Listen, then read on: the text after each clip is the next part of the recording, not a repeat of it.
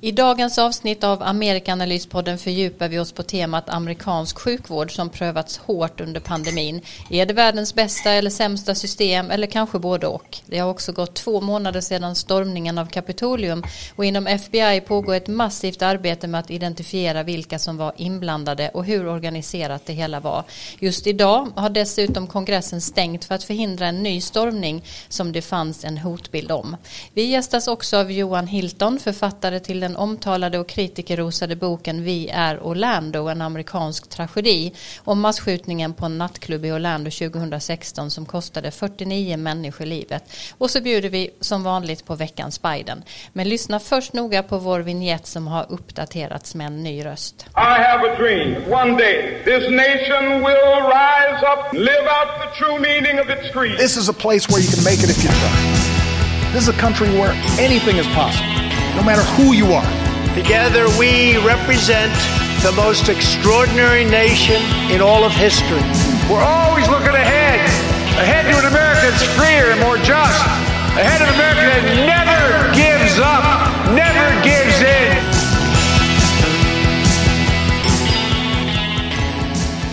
Ja, så har då den nya presidenten Joe Biden kommit med i vår vignett. Vi som gör den här podden är som vanligt utspridda över Sverige och världen. Karin Henriksson, du är mitt i det snart körsbärsblommande Washington DC. Dag Blank, du är mitt i Stockholms innerstad, har inte lika många körsbärsträd men är väl så vackert på våren. Och jag är mitt på landet utanför Halmstad där jag för närvarande får kämpa för att hålla mina höns från att sprätta runt i rabatterna när snön försvunnit. Det mesta ser fortfarande dött ut men snart, snart är våren här och just nu skiner solen rakt in i mitt fönster här i Halmstad. Det kanske är en onödig fråga, jag vet inte, men längtar ni efter våren? Är det en favoritårstid, Dag? Ja, tack. Mm. Karin? ja, ja, våren brukar vara sen här i Washington faktiskt. Det är ingen som tror på mig, men det, det brukar vara det. Och sen kan det ju sen blir sommar med en gång. Mm. Och när den kommer samtidigt så är det ju fantastiskt vackert med körsbärsblomningen. Eller hur? Ja, och magnolierna inte att. Ja, nej, absolut. Jag har en liten, liten magnolia i min trädgård. Och, mm. eh, men den gör inte mycket väsen av sig. Men i Washington är det ju fantastiskt när det blommar på våren. Ja, vi ska inte ägna oss mer åt småprat utan gå över till det vi kan bäst. Politik och samhällsutveckling. En sak som poppat upp i mitt informationsflöde i veckan flera gånger är att senaten har fått sin första afroamerikanska som Secretary of State. Vad är det för roll, Karin? Ja, det är nog mer en administrativ tjänst för att se till att eh, allt flyter i senaten. Men det har varit en annan tjänst som har varit väldigt omtalad de senaste veckorna, nämligen The Senate Parliamentarian. Först under riksrätten, nej hon, det är en hon även där, eh, var den som förklarade för riksrättegångens eh, eh ordförande, senatorn, att eh, hur, hur det vad han skulle göra, vad som var korrekt i sammanhanget.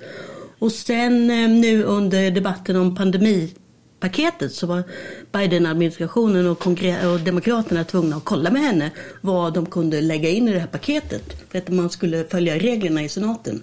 Mm.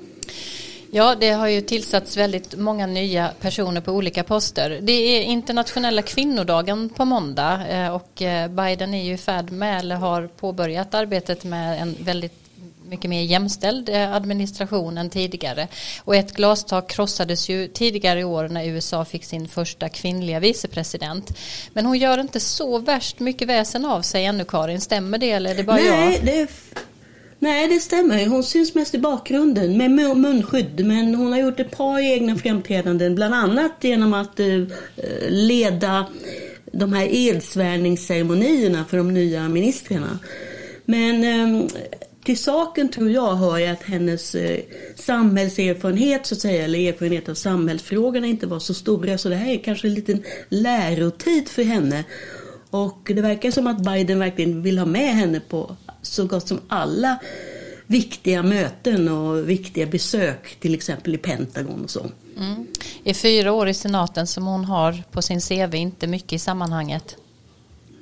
Nej, och dessutom så var hon ju då åklagare och justitieminister i Kalifornien så hon har ju varit väldigt inriktad just på de frågorna. Och nu är det ju hela världen som, och hälsovård och så vidare som, som eh, hon måste lära sig saker om. Mm. Ja, vi får säkert anledning att komma till henne och hennes roll. Eh, uppmärksammas internationella kvinnodagen på något särskilt sätt i, i, USA? Märker man av den och skiljer det sig från hur vi uppmärksammar det här i Sverige? Nej, det är inte alls lika stort här som i Sverige. Men däremot så är hela mars eh, Women's History Month. Så det är mycket uppmärksamhet på kvinnor då. Det är mycket tal om eh, kvinnor på film och kvinnor i böcker. Och, så det, ämnet är uppe. Mm. För er som vill veta mer om hur det ser ut med representationen för kvinnor i amerikansk politik så kommer eh, vi att lägga upp ett blogginlägg på måndag på internationella kvinnodagen som beskriver läget eh, för jämställdheten inom den amerikanska politiken. Håll gärna utkik efter det. Men nu tänkte jag hoppa över till Trumps senaste tal i samband med CPACs årliga möte. Vad kan man utläsa av det? Vad reagerade du på Dag? Ja, man kan eh, två saker. det var Trump som kandidat som kom tillbaka. Man såg att han eh, var liksom outsidern som slog mot Biden och började kritisera. Man kan säga att han trivs faktiskt, tycker jag, mycket bättre som kandidat än som president. När han får agera som på en kampanjstråt så att säga. Och det var det första. Och det andra är att det är back to basics här.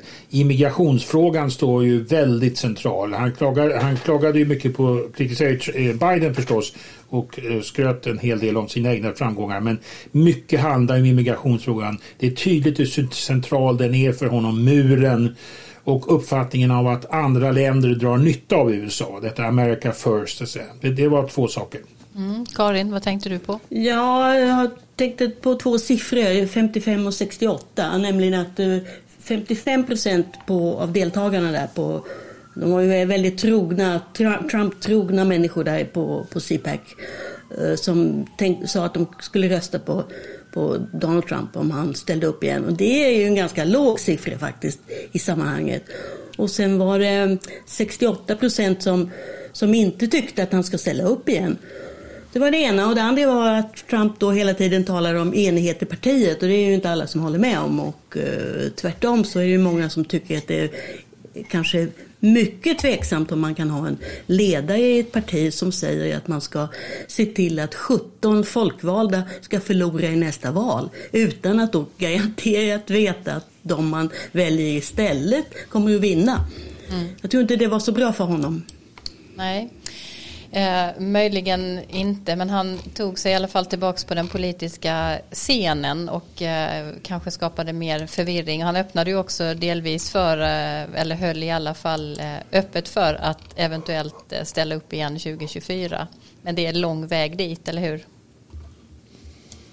Ja, det här har vi tagit upp lite förut, men jag tror ju att han är lite på väg ut faktiskt. Att han, det här var inte någon riktigt jublande återkomst får man nog lov att säga. Det var bara Fox News som körde det live och eh, det har varit rätt mycket syrliga kommentarer om att, eh, som, som Dag sa, det här var liksom ja, back to basics visst, men eh, det kanske, man måste kanske ha något nytt att säga också. Mm. Ja, eh, jättebra. Vi går över till eh, veckans Biden.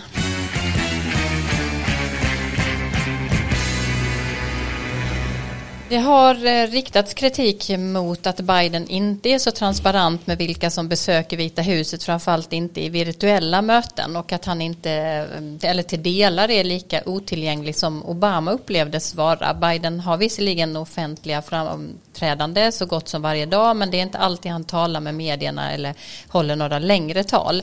Men nu verkar det som att han testar videoformatet och detta som vi ska höra nu är ett YouTube-klipp från Vita huset häromdagen. Dagen. I've long said America wasn't built by Wall Street. It was built by the middle class, and unions built the middle class. Unions put power in the hands of workers. They level the playing field. They give you a stronger voice for your health, your safety, higher wages, protections from racial discrimination and sexual harassment.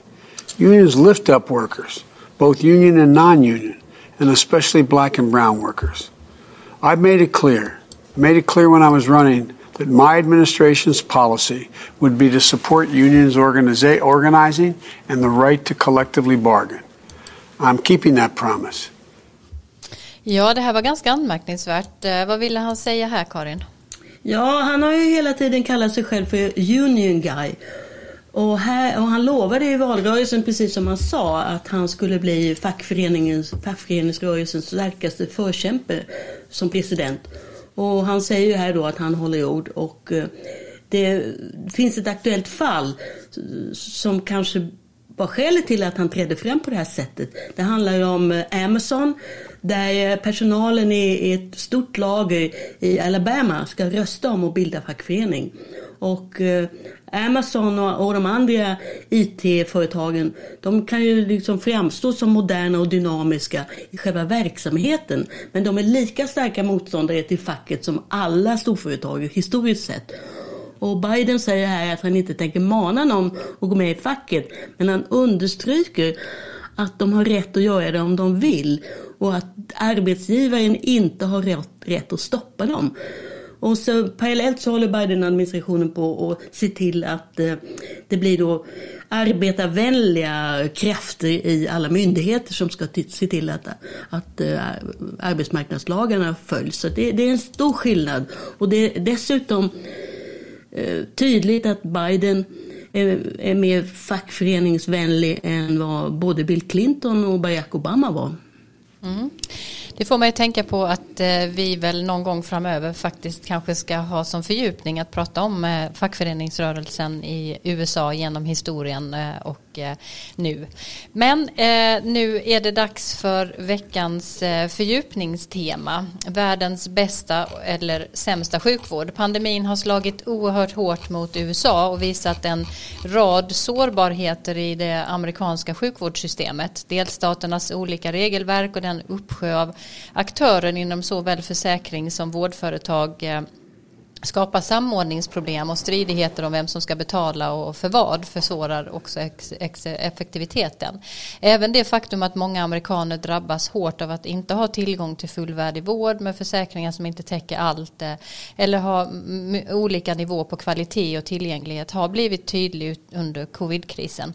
Det amerikanska sjukvårdssystemet är en försäkringsdjungel och frågan om vilka försäkringar som täcker för olika behandlingar ehm, eh, är en stor fråga fråga. Systemet förbryllar många här i Sverige och flera av er lyssnare har också önskat att vi ska titta närmare på amerikansk sjukvård så det gör vi nu.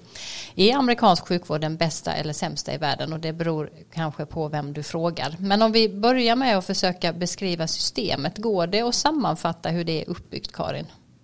Ja, det gör det naturligtvis på sätt och vis. För det är en blandning av privat och offentlig vård. Och i den privata delen så finns ju då som du var inne på, försäkringsbolag som mäktiga mellanhänder. Och eh, ungefär hälften av alla amerikaner är försäkrade via sina arbetsgivare. Det är då den privata delen och de offentliga delarna är Medicaid för låginkomsttagare och barn, Medicare för människor över 65 och vidare veteransjukvården eh, för militärer.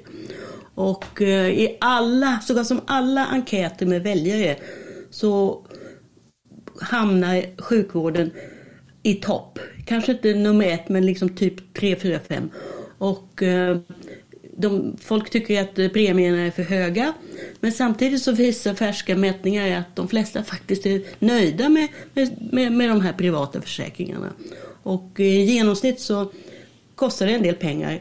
En tvåbarnsfamilj får betala ungefär 20 procent av den totala kostnaden för själva försäkringen.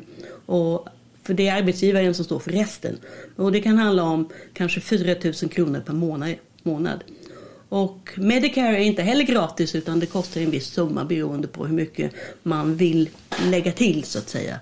Sen bör man ha en extra försäkring. Så det är liksom basfakta. Men Frida, du kanske kan säga något om att eh, alla ju har, har ju tillgång till vård på sätt och vis. De kan gå till akutmottagningar. Och eh, också vad, vad det betyder för människor att inte ha försäkring. Mm. Ja, många undrar eh, ofta eh, när man möter folk här i Sverige om, eh, om de som saknar försäkring i USA lämnas och dö på gatan. Men så är det ju inte. Alla förs till akutsjukhus om man till exempel skulle vara med om en trafikolycka eller drabbas av stroke eller någonting annat akutsjukhusen måste behandla alla som kommer in. Men vanligtvis så kommer det stora räkningar i efterhand som sätter många amerikaner i skuld. Akutsjukhusen blir också eh, överbelastade av människor som inte har råd att gå till läkare mm, för, för mindre sjukdomar vilket pressar sjukvården på sina håll. Papperslösa kan uppsöka akutsjukhus men av förklarliga skäl så drar de sig för det av rädsla för att kanske bli gripna och, och utvisade. En annan sak som kan vara viktig att känna till är som du var inne på Karin att merparten av de som har ett arbete har, har trots det privata utgifter för tilläggsförsäkringar och som du sa då eh, kan det röra sig om en 4 000 kronor per månad. Men har man råd så köper man sig också tillgång till bättre och snabbare vård och, och dyrare mediciner. För en medelklassfamilj där två vuxna har bra jobb så är det inte ovanligt att man betalar uppemot 75 000 kronor per år för det här här. Eh, många amerikaner blir också skuldsatta av sjukvårdskostnader. Eh, så mycket som en tredjedel av alla som har en sjukförsäkring via sin anställning har en personlig skuld kopplad till medicinska utgifter. Som till exempel kan handla om provtagningar, röntgenundersökningar eller mediciner som inte täcks. Närmare 30 procent av de som är eh, skyldiga över 10 000 dollar är, eh, eller 90 000 svenska kronor. Det är inte heller sällsynt att svårt sjuka blir skuldsatta för livet eller till och med tvingas sälja sina hem för att kunna få behandlingar. Eh, så vad vet man då om bristerna i sjukförsäkringssystemet och vad det får för medicinska konsekvenser för, för folkhälsan? Eh, Undersökningar på detta området visar att utöver att många amerikaner drabbas av sjukdomar som de inte hade behövt att få eh, om de hade haft tillgång till försäkringar och kunnat gå till doktor regelbundet så har bland annat en eh, studie som nu har några år på nacken från Harvard Medicine Institute 2009 visat att ungefär då eh, cirka 45 000 amerikaner dör varje år. Ehm, Ska vi se, nu var det ringde det i min eh, dator här. 45 000 amerikaner dör varje år till följd av att de saknar sjukförsäkring. Andra rapporter visar att eh, flera hundratusen varje år inte har råd med adekvata exempelvis cancerbehandlingar utan måste skära ner på mediciner av olika eh, slag. Harvard-studien 2009 uppskattade dessutom att oförsäkrade arbetare i USA löper ungefär 40 gånger så stor risk att dö jämfört med de som har privat sjukvårdsförsäkring. Eh, så det här är ändå bra eh, att känna till. Ehm, så med allt, men med allt detta sagt, det amerikanska systemet skiljer sig avsevärt eh, från våra europeiska modeller just för att det är uppbyggt kring de här privata försäkringarna som till största delen dessutom är kopplade till jobb. Varför beslutade man om att skapa ett sånt här systemdag? Ja, frågan om sjukförsäkring är ett gammalt tvisteämne och hur man ska organisera sjukvård och hur man ska betala sjukvård både i Europa och i, i USA. Och grundproblemet är precis som ni har talat om relationen mellan staten och det privata. Hur mycket ska staten betala eller det allmänna betala? Hur mycket ska privat betalas? Och från början så var, precis som i Europa, sjukvård och sjukförsäkring ursprungligen en privat angelägenhet. Men allt eftersom det blir dyrare och sjukvården förbättras och kostnaderna ökar så uppstår den här diskussionen, den roll som staten ska spela. Det börjar redan i, USA, började i början på 1900-talet med den progressiva rörelsen, the progressive som vi har talat om flera gånger. Och Theodore Roosevelt, en av Karins favoritpresidenter, eh, eh, spelar en viktig roll där. Men det är med Franklin Roosevelt under eh, New Deal på 1930-talet som en viktig vändpunkt kommer En av de viktiga sakerna som etablerades då var ju allmänna pensioner, Social Security. Det blev en statlig angelägenhet och är idag en kärndel av det amerikanska eh, eh, socialförsäkringssystemet. Roosevelt övervägde också att gå samma linje när det gällde sjukförsäkringen, att göra det till en statlig angelägenhet, men han avstod. Då ställer man sig direkt frågan varför gjorde han det? Ja, han gjorde det därför det fanns ett starkt motstånd, inte minst från läkarkåren, American Medical Association, AMA. Han menade på att eh, han hade redan, eh, så New Deal innebar ju en stor expansion av den federala regeringen och statliga, många statliga program startades för att bekämpa depressionen och förbättra levnadsomständigheterna för amerikanerna. Och han avstod delvis också av taktiska skäl att, att gå vidare med sjukförsäkringen. Men det var också på grund av det här starka motståndet förstås då från AMA. Och här ser vi ett mönster som har gått i, kommer igenom allt sedan dess. Alltså kritik och motstånd från läkare och från försäkringsbolag för de kommande försöken som har funnits för att skapa ett mera statligt sjukförsäkringssystem. Mm, och då blir man ju också nyfiken på hur det kom sig att arbetsgivarna blev indragna i sjukförsäkringen så tydligt. Ja, det har delvis att göra med andra världskriget där det rådde arbetskraftsbrist så att säga. Eh, och efter andra världskriget eh, då blev plötsligt benefits, eh, sjukförsäkring, ett sätt att konkurrera om arbetskraft för, för arbetsgivarna. Man erbjöd helt enkelt en lön och sen så fick man eh, vissa fördelar, benefits och där var sjukförsäkring en viktig del. Och så är det ju fortfarande att, att det är när man får ett jobb så är det väldigt viktigt att undersöka hur detta benefit package ser ut. Vad det finns för sjukförsäkringsomständigheter. Eh, och det blev sen modellen. Och under 50-talet till exempel när fackföreningarna fortfarande var relativt starka i USA så blev sjukförsäkring allt mer en del av avtalen, kollektivavtalen som slöts mellan arbetstagare och arbetsgivare. Det fungerade ganska bra och blev en sorts norm som att man använde att sjukförsäkringen skulle eh, regleras med arbetsgivarna på det här sättet. Mm, vi har delvis berört det lite men vad händer med de som inte arbetar? Ja, det är en väldigt bra fråga. Och det är det som, som Karin poängterade, det är därför som då Medicare till exempel genomförs, den stora reformen 1965 under, under president Johnson under the Great Society och även Medicaid som då var för, för låginkomsttagare. Men Medicare det är en allmän sjukförsäkring för, för pensionärer. Och den är ju fortfarande mycket, mycket viktig och, och, och, den kan man inte röra idag. Trots, när den antogs hade Demokraterna en väldigt stor majoritet i kongressen. Valet 1964 då, det var man det bästa för Demokraterna i modern tid. Man hade två tredjedels majoritet och det gjorde att man kunde anta eh, Medicare ganska lätt. Men även 13 senatorer från Republikanerna och 70 representanthusledamöter som röstade för. Så det fanns en inte total enighet, det fanns stark kritik från republikanerna också, men det fanns på den tiden, those were the days, eh, en möjlighet att samarbeta i kongressen. Vi ser, det illustrerar också väldigt skillnaden idag. Va? Idag är det ju ingenting som tyder på att det skulle bli så. Nej.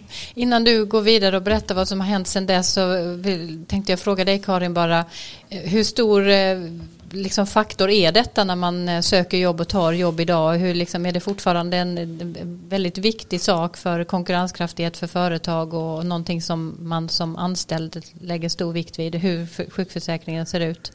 Ja, ja det är det och dessutom så innebär det en viss tröghet på arbetsmarknaden därför att människor som kanske har någon sjuk eh, anhörig, någon sjukt barn eller vill, måste ju då stanna kvar på, på det jobbet de har om det är bra försäkring. Då vågar de inte byta. Och eh, sen är det också pågår, samtidigt är de, befinner de sig liksom i en fälla för att om arbetsgivaren plötsligt bestämmer att nej, nu måste de anställda betala mer av försäkringen själva, då är, har de ju inte mycket att sätta emot. Men det egendomliga samtidigt är att det här verkar för det allra, allra mesta så är, är företagen de, de, är för det här. Man ser någon gång i en debattartikel att eh, kanske vi borde ha ett annat system. För det kostar ju dem väldigt mycket, även om de får skattesubventioner. Det är ett väldigt egendomligt system. Mm. Intressant. Eh, om vi går tillbaka då till du var inne på när Medicare antogs. Eh, vad har hänt sedan dess då? Om vi går tillbaka till 70-talet, Dag? Ja, alltsedan 70-talets början så har det stått klart att försäkringar via arbetsgivare inte var nog så att säga. Priserna har gått upp på sjukförsäkring och sjukvård naturligtvis och en allt större del av befolkningen kommer att stå utanför. Alla företag idag erbjuder inte eh, dessa benefits och så här bra benefits, så bra sjukförsäkring som man hade. Där folk var ju, det finns ju väldigt, det är väldigt goda omständigheter för många. Men det är då den här moderna debatten börjar att man ska ändra förslaget där Edward Kennedy, senatorn från Massachusetts, har varit en verklig portalfigur. Och mycket av diskussionen handlar om det som på engelska kallas för ett single payer scheme. Att man ska gå över till en enda gemensam statlig förs försäkring. Där alla är försäkrade i ett enda system. Som vi har i Sverige. Eller som Medicare utgör faktiskt intressant nog. Va? Där det finns en försäkringsgivare som gör att det är mycket mer effektivt och billigare. Och från början på 70-talet fanns ett republikanskt intresse för detta. Nixon som ju var ganska liberal inrikespolitisk och Edward Kennedy hade en gemensam idé och, och, och de menade att den federala regeringen skulle spela en betydande roll. Den gick i putten. Watergate och Vietnam kom emellan. Bill Clinton försökte igen på 1990-talet med Hillary som sin point person. Det blev ett starkt motstånd och den, det förslaget kollapsade. Där var läkemedelsindustrin och, och sjukförsäkrings eller eh, AMA också mycket motstånd. Och så kommer då slutligen Obamacare som baxas igenom med minsta möjliga marginal 2010. Det är ju Obamas stora inrikespolitiska eh, eh, sak. Och Republikanerna svor på att avskaffa den. Det har de misslyckats med. Den finns kvar idag, lite förändrad men mycket idag också mycket populär. Eh, den har utsträckt försäkringarna eh, men det finns ännu en betydande oförsäkrad andel. Eh, jag såg några siffror som räknar med att det är kanske 10 procent av befolkningen som är helt oförsäkrad. Men det är ner från kanske 18-17 procent som var innan Obamacare kom. Mm. Jag tror faktiskt att siffran eller andelen är lite högre än 10 procent men det får, vi, eh, det får vi kolla upp. Vad står debatten eh, idag? Ja, i den senaste debatten som vi har hört då eh, under kampanjen här, det var ju att som Biden att man skulle bevara Obamacare och utöka Obamacare, förbättra Obamacare. Och från vänsterhåll inom Demokratiska partiet så kommer ju, är det ju det här att man ska ha en single payer scheme, Medicare for all, det var det som var slagordet. Det var ju Bernie Sanders slagord, Medicare for all. Och det är ju ett single payer scheme, alla är försäkrade och där man skulle liksom utsträcka det då.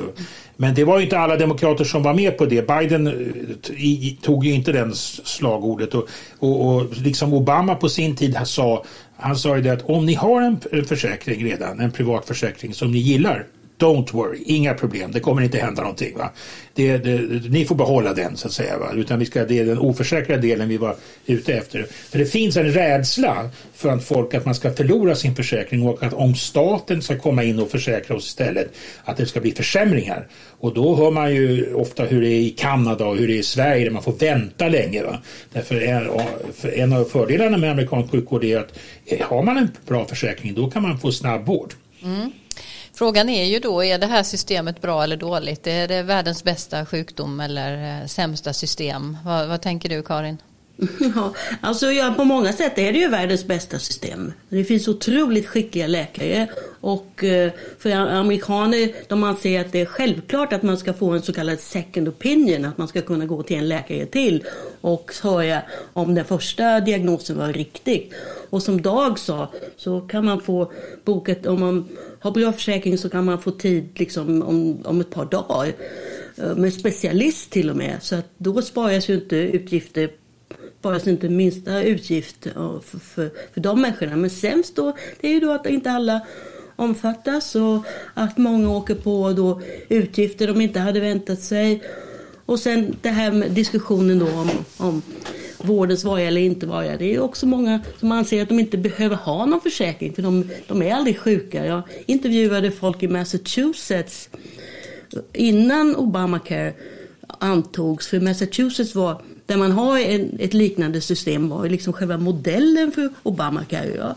Det var infört då där, det hette, vad hette det, Mass Health eller någonting sånt. Och, eh, och där var det en, en, en man i kanske 35-årsåldern som tyckte nej men jag är aldrig sjuk, jag tänker minsann inte gå med på det här, jag betalar ju egen ficka om jag blir sjuk. Och det är en väldigt eh, farlig inställning, för tänk om man råkar hamna i en bilolycka eller få någon ovanlig sjukdom. Men det är många som tänker så. Mm. Vad säger du Dag?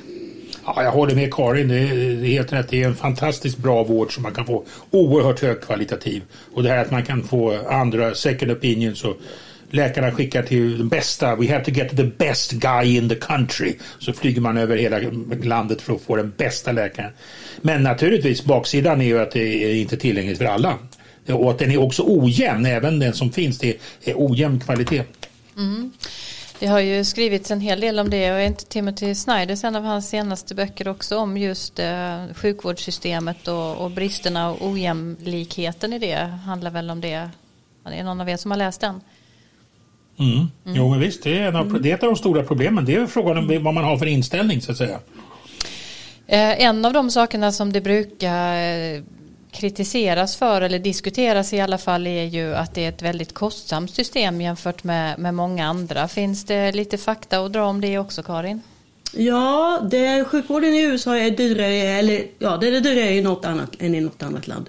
18 procent av BNP, BNP. Och detta utan att amerikanerna lever längre eller är friskare. Jag såg en gång en siffra som sa att eh, det är bara en grupp i USA som har bättre hälsa, allmän hälsa än, andra, än, än i andra länder, i andra västländer. Och det är vita höginkomsttag eller vita pensionärer med höga inkomster. De är friskare i USA än i andra länder.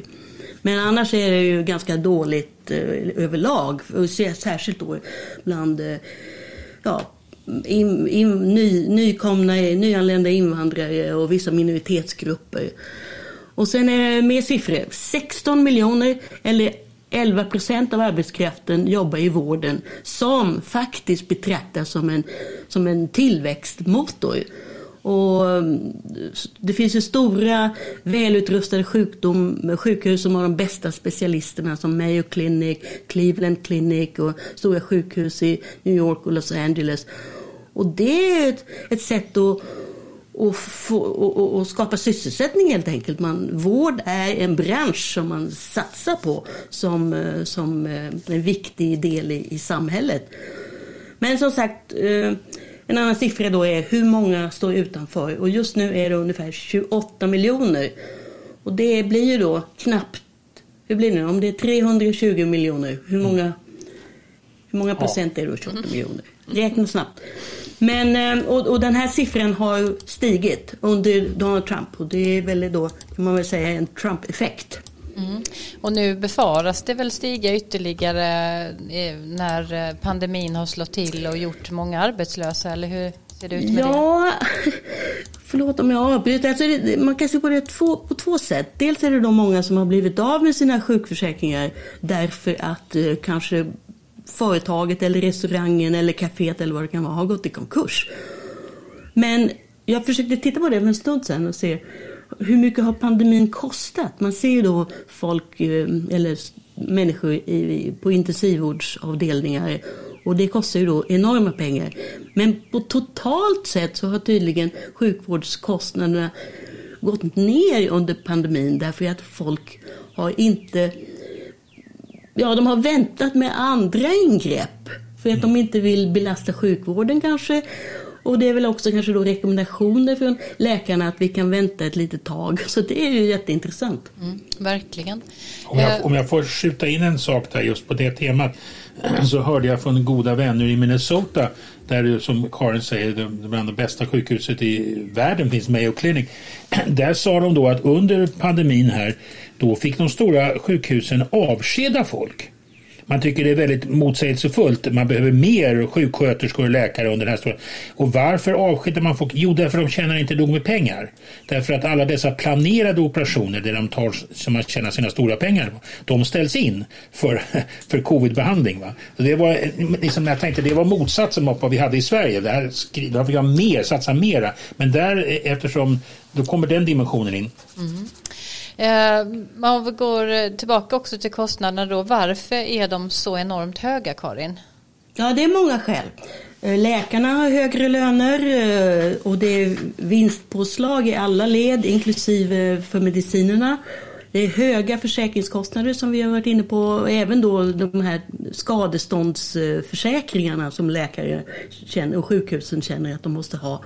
Och sen finns det också en rädsla för att en sjuksköterska till exempel inte klarar vissa uppgifter och därför måste man ha en läkare inblandad i alla lägen. Mm. Sen stor fattig befolkning, mycket vällevnadssjukdomar och sen är det många som hävdar att det görs alldeles för mycket onödiga tester.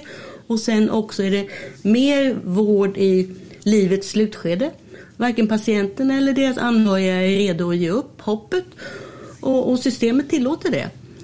Och sen då också då, kanske inte enbart sjukhusen så att säga, men det pågår ju hela tiden spjutspetsforskning och experiment med nya behandlingsformer och det kostar ju pengar. Och det finns operationer som utförs i USA som inte görs i Europa. Men sen kan man då säga att världen i stort har ju kan ju dra nytta av de här erfarenheterna och rönen. Och det är en, en detalj bara, det är federala då, NIH, de har en hel avdelning där man forskar om sällsynta sjukdomar. Alltså sådana sjukdomar som kanske bara några hundra drabbas av. Dag, har du något att tillägga? Ja, inte så mycket. Jag kan ge ett litet eget exempel. Jag, när jag själv blev tvungen att uppsöka sjukvård i USA eh, för ett höftproblem som jag hade och då hade jag i det läget en svensk försäkring. Jag kom till läkaren, till ortopeden och den första frågan var då vad har du för försäkring? Ja, jag har inte någon amerikansk, jag har en svensk försäkring. Jaha, du är oförsäkrad? Ah, jag har en svensk. Ja, de var inte intresserade av att det var en svensk försäkring. Och då hade min första fråga, vad kommer det här besöket kosta? Ja, kanske 300 dollar. Men när de hörde att jag var oförsäkrad, ur deras perspektiv, då sänktes priset. Jaha, det kanske blir 200 dollar då, sa hon. Jaha, okej, okay. men vi får se vad läkaren säger. Så gick jag in och pratade med läkaren och det visade sig att han var av svensk bakgrund och hade varit i Sverige. Han eh, tittade på mig det är inga problem, det här kommer gå bra, det var inget farligt. Så det var en mindre undersökning. Så kom jag ut och så frågade jag eh, eh, personen som tog emot mig då, vad kommer det här kosta? Ja, då ska vi se vad doktorn har skrivit. No charge. Noll. Och då sa jag, men nu måste jag fråga, vad kostade det här egentligen? Först kom jag in och då sa du 300 dollar. Sen när du trodde att jag var oförsäkrad, lika med fattig, då sänktes priset för då har ju sjukhusen och många läkare en lägre taxa för de som är oförsäkrade helt enkelt. Ja, och så då, då blev det 200 dollar och sen när läkaren tyckte att det var inte så mycket så blev det noll. Jag sa, vad kostade det här? Hon sa, ja där har du amerikansk sjukförsäkringssystem i sin prydnad. Det är väldigt svårt att säga vad saker och ting kostar. Och en ständig förhandling då också? En ständig förhandling också, på, det pågår hela tiden också. Ja. Mm. Men inte minst mellan sjuk, alltså, ibland kommer ju då väldigt höga räkningar som Karin sa från sjukhusen och så lämnas man till, till försäkringsbolaget och försäkringsbolaget bjuder hälften av det och så förhandlar man fram och tillbaka. Det är som i Life of Brian om ni minns. You got to, you've got to haggle när de står där i basarerna. Ja, det är ett intressant eh, system bara det. Eh, och att omskapa ett så här komplext system som sjukförsäkringssystemet i USA låter sig ju inte heller göras på ett enkelt sätt. Eh, om vi tittar lite på statistik så är det närmare närmare 800 000 människor som jobbar i försäkringsfirmor, konsultfirmor och läkemedelsbolag som är kopplade till, till hela den här apparaten. Försäkringsmarknaden är värd cirka 3 000 miljarder dollar och lobbyisterna är ju också mäktiga. Under valet eh, 2016 så skänkte läkemedelsindustrin cirka 250 miljoner dollar, drygt 2,2 miljarder svenska kronor till presidentkandidater, senatorer och kongressledamöter.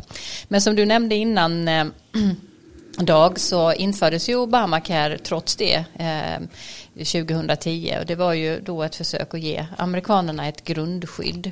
Eh, och motståndet mot reformen eh, var ju då eller har varit sedan dess eh, omfattande från republikanskt håll. Men hur mår eh, Obamacare idag Karin? Har du något mer att säga än det Dag nämnde innan om det? Ja, alltså det har ju gradvis vävts in i systemet och det skulle nog vara omöjligt att, att lyfta ut. Och sen har då fler blivit vänligare inställda till det. 54 procent säger att de är för och bland kvinnor är siffran ännu högre, närmare 60 procent. Och sen så är det nog ingen som skulle godta att man gick tillbaka till det som gällde förut. Det här med att man, om man var sjuk så kunde man då bli nekad försäkring. Det är, ju väldigt, det, det är numera förbjudet. Och vidare så kan då vuxna barn ända till de är 26 år gamla var jag omfattade, om, ja, de täcks av föräldrarnas försäkring. Mm. Eh, flera inflytelserika demokrater eh, i den så kallade vänsterfalangen vill ju eh, samtidigt ha Medicare for all. Och hur ser det ut för Joe Biden nu framåt eh, för vad han vill, ser ut att vilja göra kring det här? Nej, jag kan väl fortsätta på vad, vad Dag sa att eh, Medicare for all eller någon single payer system lär det ju inte bli. Men eh, jag skulle gissa, och det kan nog komma ganska snart, att eh, det kommer att bli förslag om att överväga en utvidgning av Medicare, till exempel att sänka åldersgränsen. Och eh, sen så, ja, det kommer en ny lag nästa år. För Trump-administrationen tryckte väldigt mycket på att det borde vara mer öppenhet i systemet, att folk skulle få veta vad det kostar.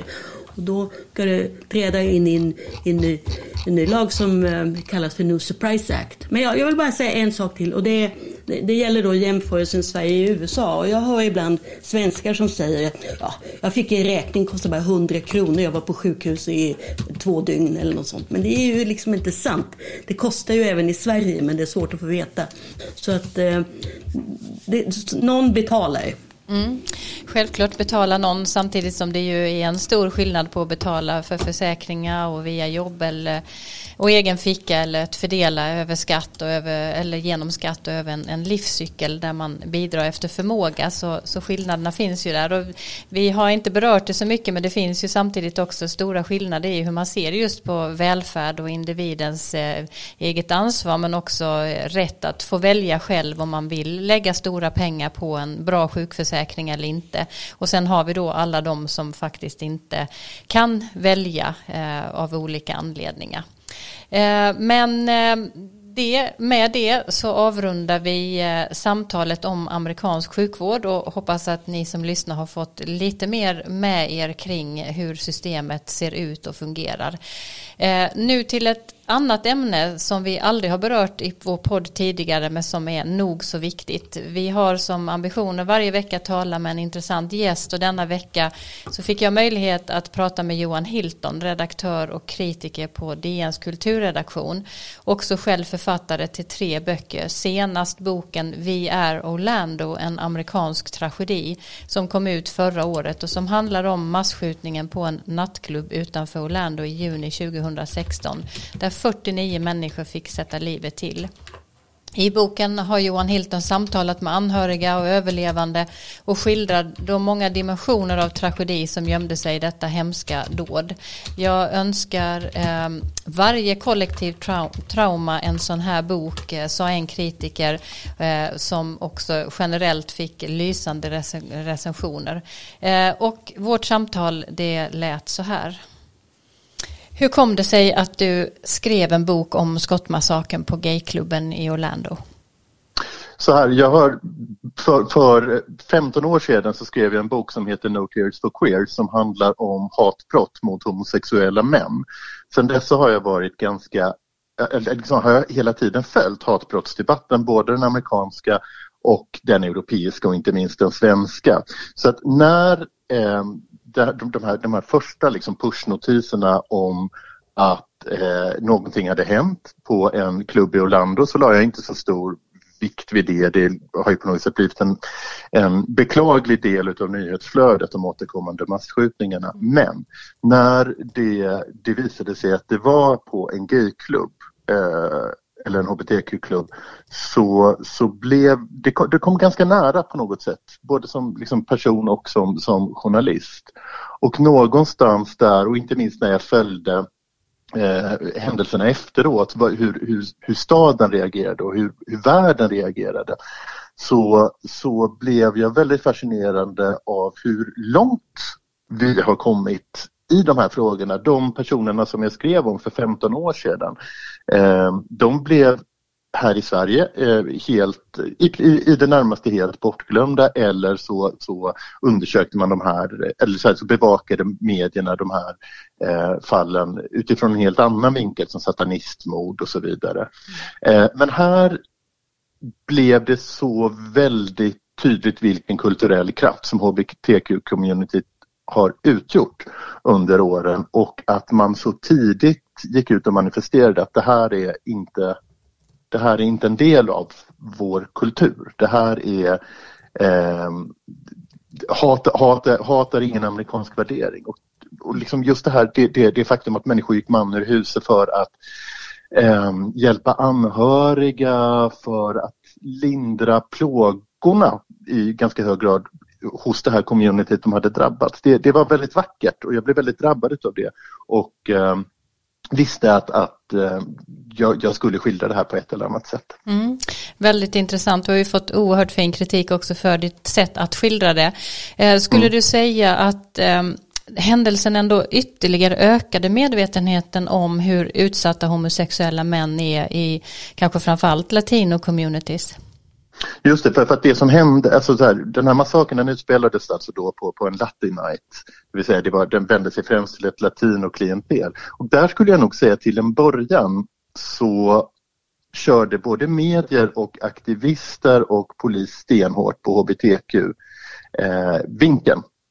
Eh, eh, och det gjorde, skulle jag nog om, om jag får göra den bedömningen, det gjorde att, att hela, hela den här ytterligare etnicitets och kulturaspekten fick träda tillbaka lite grann. Eh, och istället så Alltså företrädare för olika hbtq-communities och så vidare, det var ofta, oftast vita personer. Eh, och det gjorde att man kanske glömde bort att det fanns en mängd komplicerande aspekter av det här, det vill säga eh, fler utav de som dog den natten var, eh, alltså en, en, ett par var papperslösa, andra eh, kom ifrån från, från bakgrunder där man inte ens talade engelska och så vidare, vilket eh, naturligtvis påverkade också eh, efterarbetet i, liksom, vad, vad gäller liksom hjälpinsatser och så vidare så, så var det en väldigt komplicerande faktor. Jag skulle nog inte säga att det på det stora hela har ökat medvetenheten. Möjligtvis, alltså eh, liksom, regionalt har det det definitivt därför att det här blev någon form av chockvåg som också satte igång en mängd olika eh, civilsamhälleliga initiativ som eh, inte i, i, hög grad då ifrån Ehm, lati, Latinx-communityt.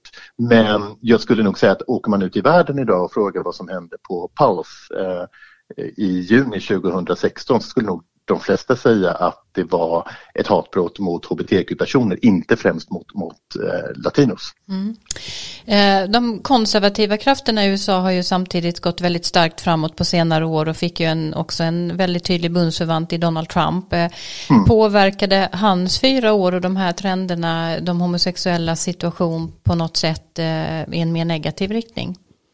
Ja, alltså symbolpolitiskt skulle jag säga att det gjorde det. Vad gällde konkreta åtgärder skulle jag nog inte säga att det var alltså så här att, att, att man har tagit så många steg tillbaka. Det, det är liksom när en kulturfråga av det här slaget bryter igenom så brukar de vara ganska svårstoppade. Det är liksom en, en kritisk massa som har uppnåtts och som har möjliggjort den här förändringen. Alltså det har ju gjorts försök till inskränkningar. Man har försökt lyfta ut könsidentitet och sexuell läggning från federal, federal diskrimineringslagstiftning eh, och man har misslyckats med det. Så jag, jag skulle nog säga att man snarare ska se det här som en form av symbolkrig. Det är ett sätt att upprätthålla resentiment och, och att liksom upprätthålla en, en, en konservativ identitet, att det är liksom ett slags köttben till, till somliga väljar, grupper. Men de här, de här stora frågorna, alltså det, har, det har varit ganska perifera eh, frågor. Alltså det, det har varit ett frekvent vevande mot könsneutrala toaletter och att, och att liksom förbjuda transpersoner inom, inom det militära och så vidare. Men eh, vad som har varit intressant är att se Donald Trumps uppvaktningar utav hbtq-communityt, eh, till exempel då i det här famösa Pride-talet som hans dotter Tiffany Trump höll under eh, höstens presidentvalskampanj, eh, så är det att man har utelämnat T, det vill säga transidentiteten, transpersonerna. Och, och i det här talet så pratar Tiffany Trump väldigt mycket om sin fars solidaritet med homo bisexuella men ingenting om, om transpersoner. Mm. Så det är väldigt intressant och faktum är att man använder ungefär samma resonemang när det gäller transfrågor från konservativt håll idag som man en gång gjorde i kampen mot könsneutrala äktenskap till exempel. Det här att man att, att, att få, få de här, vinner de här krafterna inflytande så hotar de att undergräva samhällsordningen och upphäva de båda könen och de är skadliga för barnpsyken och så vidare och så vidare. Så, att, så att, symboliskt skulle jag nog säga att, att ett, ett försök har gjorts att liksom ta ett steg tillbaka tillbaka. Men jag skulle inte säga att Donald Trump har lyckats. Nej. Hur ser eh, USAs roll eh, för ökad tolerans för homosexuella runt om i världen ut? Man är ju både en stor biståndsgivare och har ju en, en kraftfull politisk röst på olika sätt. Har, mm. eh, kan du säga någonting om det? Ja, den är, den, är, den är naturligtvis jätteviktig men jag skulle nog snarare en alltså, eller snarare så här, en stor del av hbtq-kampen har kommit att associeras med amerikansk hbtq-kamp. Det, på, på, det, att det, det finns liksom ett, ett, en, en, liksom ett kulturellt inflytande eh, på hbtq-håll. Eh, och det så till den grad att man ofta då sammanblandar amerikanska framgångar med europeiska till exempel. Vi firar saker som Stonewall, eller talar om det och vi, vi daterar homofrigörelsen till, till Stonewall då, då amerikanska hbtq-personer slog tillbaka mot en polisrazzia, visst bara en Stonewall i New York då 1969. Men även Pride och så vidare och så vidare. Det, det är amerikanska, eh, amerikanska initiativ från början så jag skulle säga att 80 procent av det vi hänvisar till, tar del av och diskuterar är världen över amerikansk gaykultur och det blev ju till exempel då väldigt tydligt i uppmärksammandet av, av massakern i Orlando. Det har funnits andra massakrer på andra, i andra delar av världen och, och fasansfulla hatbrott till exempel i Tjetjenien. Men det här blev den stora symbolhändelsen och det ligger lite grann i tangentens riktning i det här, liksom, i det här kulturella inflytandet som, mm. som amerikansk gaypolitik har. Mm. Till sist, eh, vad tar du med dig från ditt arbete med den här boken? Du, du mötte överlevande och anhöriga. Är det någonting som har fastnat? Det, det, det, alltså så här, på ett intellektuellt plan vet man alltid hur komplicerad och hur mångfacetterad en händelse av det här slaget är och vilka återverkningar det får på ett samhälle. Men jag skulle nog säga att som författare så blev det ett väldigt känslomässigt arbete. Eh, och eh, nästan oöverblickbart. Och det, det, det som kommer att bli intressant framöver det är att se vilka eh, djupverkande och, eh, och eh, kvardröjande effekter som, som den här händelsen får som trauma och som politisk händelse. Mm. Tack så hemskt mycket Johan Hilton för att du var med i Amerikaanalyspodden. Tack så jättemycket för att jag fick vara med. Ja, eh, Johan Hilton och vi kan ju varmt rekommendera hans bok. Eh, nu innan eh, vi ska avsluta för dagen så ska vi eh, ta upp lite kort ett eh, annat tema om den inhemska terrorismen. Det har gått snart två månader sedan skammens dag den 6 januari när en mobb stormade Kapitolium efter ett brandtal av Donald Trump och eh, så här lät det då. Multiple capital entries! Multiple capital entries! 1318. A 12 to 6, and we're coming around uh, from the south side. Be advised the speed ended. Intel 1, be advised you got a group of about 50 uh, charging up the hill on the west front, uh, just north of the, of the stairs. Uh, they're approaching the wall now. Uh, they're starting to dismantle their reviewing stand and throwing metal poles at us. Cruiser 50, give me DSO up here now! DSO! Multiple law enforcement entries! DSO, get up here! All right, we're 30 seconds out. Ja, det var ljud från eh, Kapitolium här. Eh, hur är läget nu, Karin? Vad händer? Ja, det där var ju polisradion så man hörde alltså hur desperata de var och eh, det ingår då i diskussionen om huruvida man ska, måste tillsätta en undersökningskommission eller inte för att gå till botten med vad som verkligen hände. Och eh, en hel del av, av, diskussionen handlar just om varför det gick så långsamt innan, innan förstärkningarna kom. Men annars så har över 300 personer ringats in och en del kan vänta åtal, kanske till och med fängelsestraff. Och FBI som då har beskyllts för att kanske inte vara så aktiv på det här området har nu gått till verket med stor beslutsamhet och eh, så gott som alla lokala kontor över landet sägs vara inblandade i utredningen och eh, man finkammar då alla bilder och videor och det har väl aldrig varit något i världshistorien som har varit så väl dokumenterat. Eh, och eh, jag har i alla fall intrycket att man kommer hitta alla. Och FBI-chefen var mycket tydlig i ett förhör i veckan.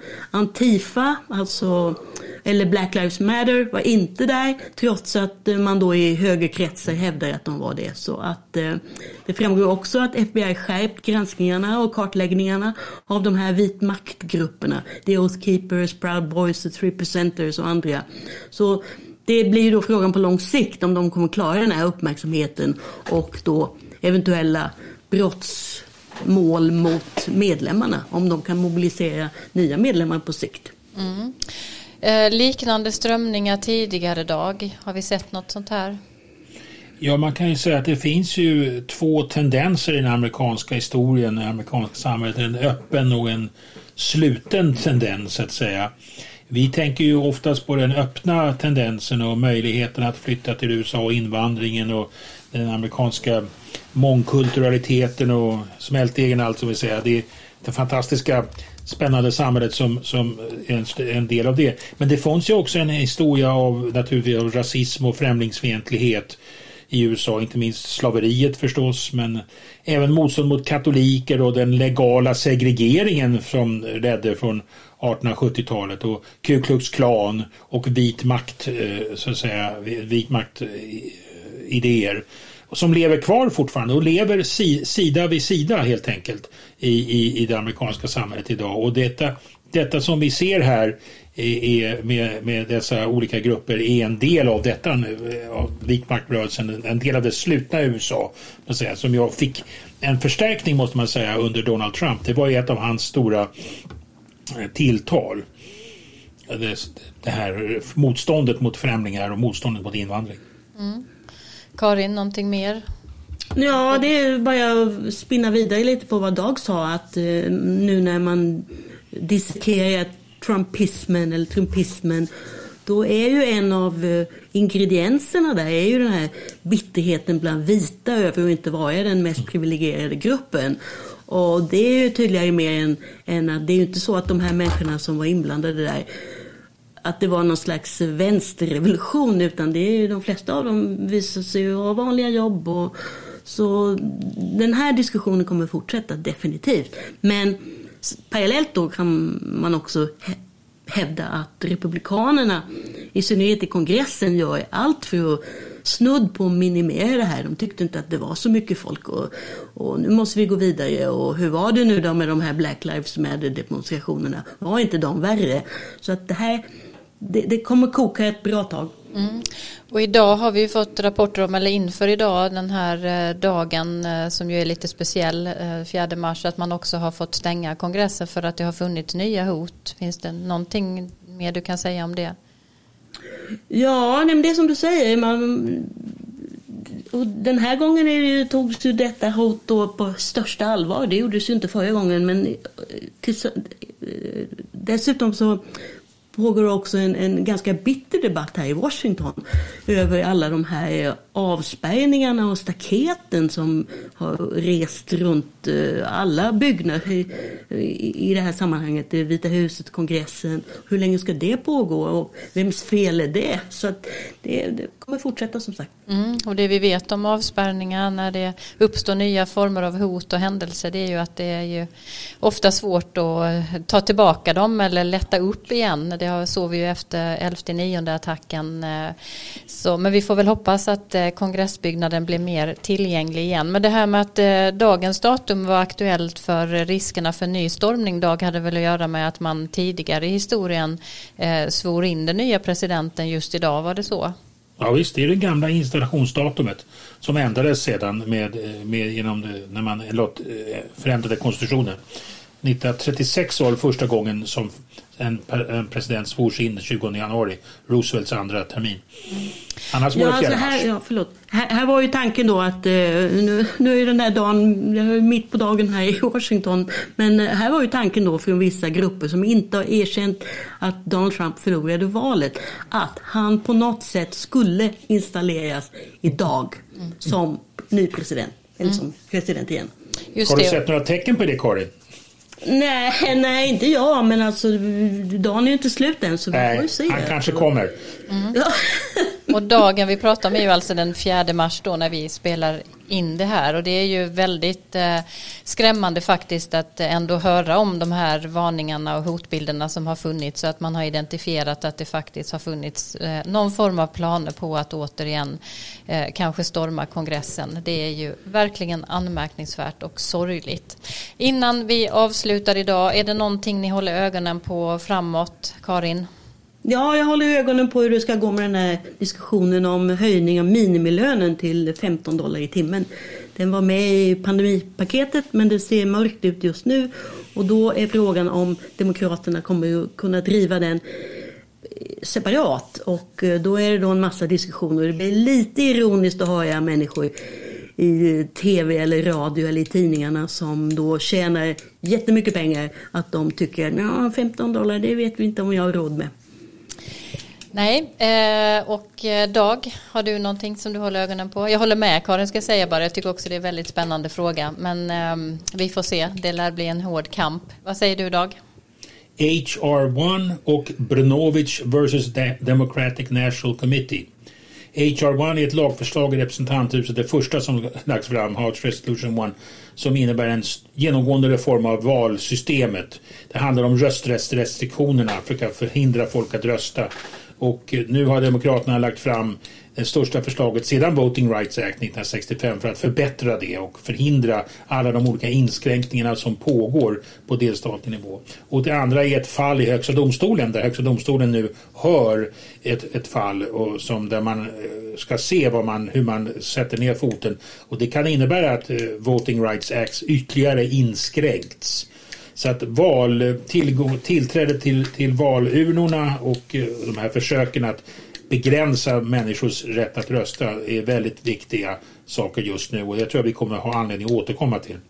Det låter det som att vi absolut måste göra och jag påminner igen om att eh, vi kommer att lägga upp ett blogginlägg om kvinnor och kvinnor, kvinnlig representation i amerikansk politik på internationella kvinnodagen och vi är tillbaka igen med en ny podd om två veckor.